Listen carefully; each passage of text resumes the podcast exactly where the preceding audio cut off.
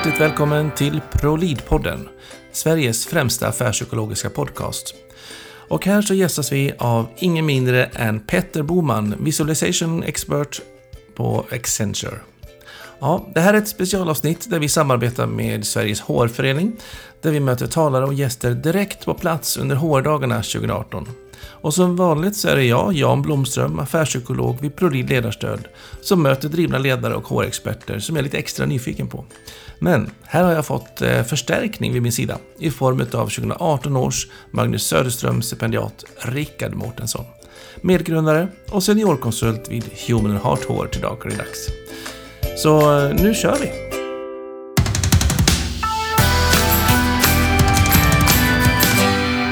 Hjärtligt välkommen till ProLead-podden säger jag till Peter Boman, Accenture. Tack så mycket. Vad kul att du kan vara med. Nyss avstigen ifrån Skandiascenen här på HR-dagarna. Yes, ah, kul. Och jättenyfiken då, så självklart att få ta del lite grann på i eftersnacket. Vad är det dina huvudbudskap var på scenen? Ja, men jag pratade om analys av HR-data som jag tycker sker eh, lite för dåligt och eh, lite för sällan ute hos eh, olika företag i Sverige. Mm. Ehm, det är mitt perspektiv i alla fall. Ja, men det där är spännande tycker jag. Och, och eh, nu sitter det ju väldigt många här som lyssnar som, som jobbar inom HR-området och jag tänker, men vad tusan menar han nu egentligen? Mm. Kan du berätta, vad, vad, vad, är det man HR brister i då? Vad kan man göra bättre i organisationer just när det gäller HR-datan? Ja, men jag tror, ehm, som jag pratade lite om, jag tror att det är analys kan, eller hela data och analysområdet kan man dela upp i lite olika steg och jag tror att, att det finns brister det är ju lätt att bli generaliserande här men utifrån de, eh, de observationer jag har mm. så, eh, så brister man väl i dels hur man eh, hanterar data liksom, och hur man samlar in den och har... det är mycket Excel-filer som flyger runt mellan individer. det är där datan sparas. Det är Fortfarande? ja, tyvärr är det så. Sen, sen tror jag att det är säkert är bättre än för tio år sedan men det är fortfarande mycket Excel-filer. Ehm, jag ser också att man inte riktigt har verktygen eller kompetensen eh, för att eh, analysera datan sen när man väl har datan.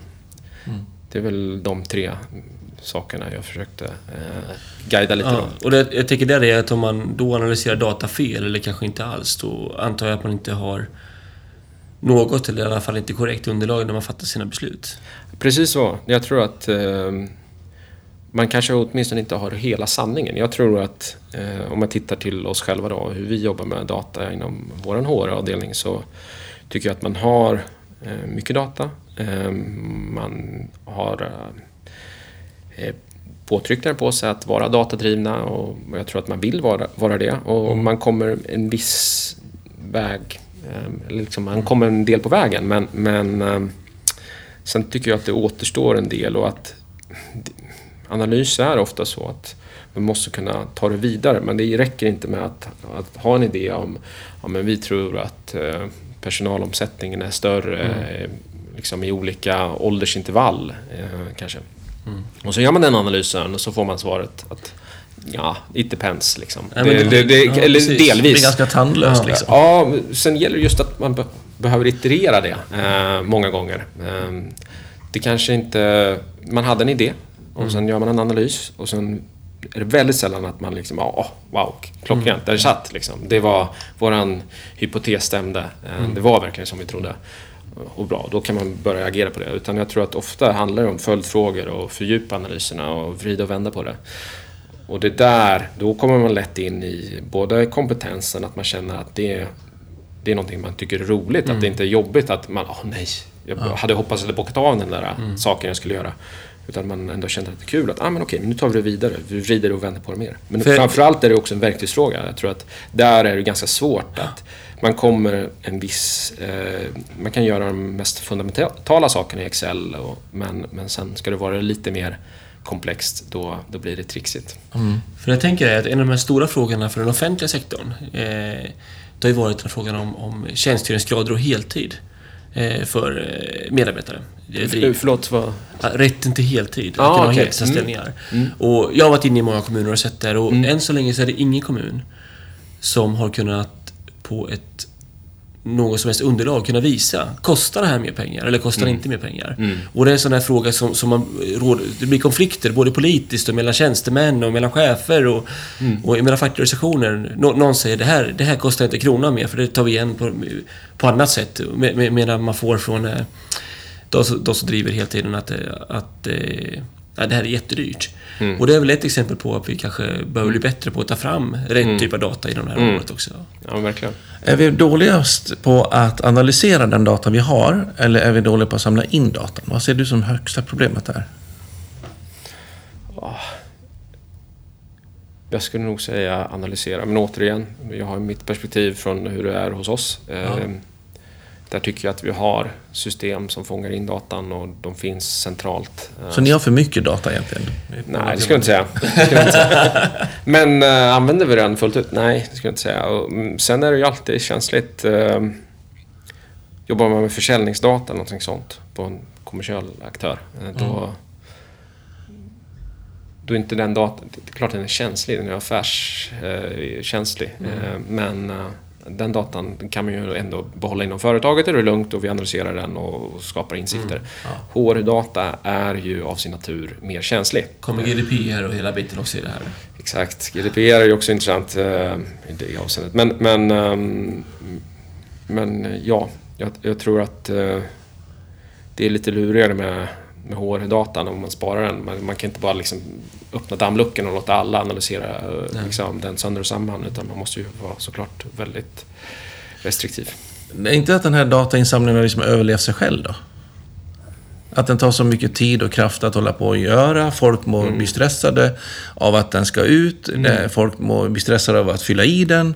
Det blir för många frågor och inte sjutton analyserar vi den knappt heller. Ja, nej men absolut. Jag tror att ehm, om man... Om det är, som du antyder här nu är mer av formen av att man, eh, att man samlar in i formulär och så. eh, Med, liksom att, ja, men att man gör en undersökning eller en enkät med vissa personer. Då, då kan jag också känna att man man kan, man kan ganska lätt utifrån enkätens utformning se om den här personen har tänkt hela vägen liksom, hur man ska analysera i slutändan. Vad är, liksom, hur är processen från ax till limpa här nu? Och, ja, det kan Där jag tycka är ganska tydligt. Där kan jag också se att den verkligen inte har tänkt hela vägen. Ja. Men jag tänker också på alla de här datan som ska matas in. För vi har ju ändå många ställen i Excel-arket, eller vad vi nu ska definiera det som, där vi kan mata in information. Som tar en stor del av arbetstiden hos många. Men som vi egentligen inte riktigt har tänkt till hela vägen, vad ska vi använda den till? Och där man också kanske måste först fundera på, vad är det för svar vi vill kunna hitta? Typ bättre eller sämre med heltidslösningar. Och vilka data måste vi då ha för att kunna göra analys på dem, hitta fram de svaren? Och där tror jag att man kanske behöver vara... jag- sa det att man skulle göra en en data inventory, eh, inventering av sin, sin data. Eh, Det tycker jag är ett bra första steg. Att man funderar liksom, okej, men vad är fundamentet? För det är vissa saker som jag tror att man, man måste ju ha, man måste spara på. Ehm, Vad är det då? Ja, mer fundamentala saker som att man ska förstå eh, anställda och, och eh, vad folk säger upp sig och vilka avdelningar och, och, och, kan ställa de följdfrågorna som... Det är någonting som ofta är fokus hos oss, eh, uppsägningar. Vi har en ganska hög personaluppsättning i konsultbranschen.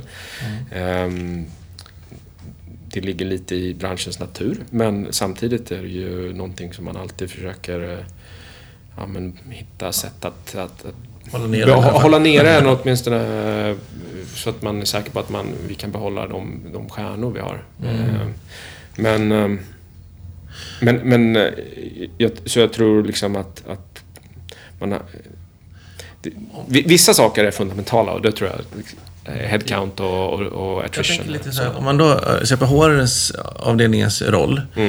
eh, när det gäller just eh, uppsägningar. Liksom, hur pass mycket ser du att HR-avdelningen ska liksom vara med och styra vad man ska ställa frågor? Eller räcker det bara att man har haft det här utskrivningssamtalet? Med skiftande kvalitet. Nej, men eh, jag tycker absolut um, HR-avdelningen ska vara i förarsätet kring... eh, det, jag, jag brukar vara ganska ödmjuk när jag analyserar datan och brukar hjälp, liksom jobba ihop med HR för att säkra att jag inte missförstår saker eller tänker på fel sätt. Ehm, och att jag, de ofta har hypoteserna som är mycket mer träffsäkra än vad jag har. Men ehm, så jag tycker ju att de måste vara i förarsätet när det gäller hur, eh, hur frågorna ställs. Sen de mer tekniska frågorna, hur stä- frågorna ställs, att man har fler valsalternativ på ett visst sätt som gör analysen lättare, absolut. Det, är- det är kanske någonting man kan eh, stödja med. Men, men annars tycker jag att eh, vad man frågar är egentligen de som ska vara styrande. Ja. Och om du ser då 2025, HR-branschen och liksom hur de beter sig där. Vad är ditt bästa tips till HR-världen för att de ska vara rustade 2025? Avsluta den enkla frågan. Aha. Nej men eh, jag skulle inte, nej jag vet inte, 2025. Det är... 2030 vill du säga Ja, ja men exakt, så 2030. Ja, Eh, Det finns ingen HR, det är bara en stor AI-maskin som står och sköter det. ja. Nej men... Ja, men, nej. ja, vä- vänta nu, stopp där. det, det här var lite spännande. Det här vill jag prata mer om. Ja, det, här, Ta den det här var avslutningsfrågan. jag tror det var exit här. Ja. Nej, men, eh, Kan det vara så? Ja, men jag vet inte. För att provocera lite, ja, Ja. så kan det väl vara. Det kan- Jag tror, att, jag tror väl att... Eh, ja, men återigen, så, vi ser ju vissa stödfunktioner som HR och finans. Det är väl sådana saker som, som lättare, tror jag, kommer kunna ersättas av automatiserade Mm. processer, eh, AI. Intressant. Så alla lyssnare som jobbar inom HR, pass på och njut. För det är bara typ 10 år kvar. Jag kommer få så mycket skit för det här. Ja, vi älskar dig ändå. Tusen tack att du kom hit. Tusen tack Peter. Tack.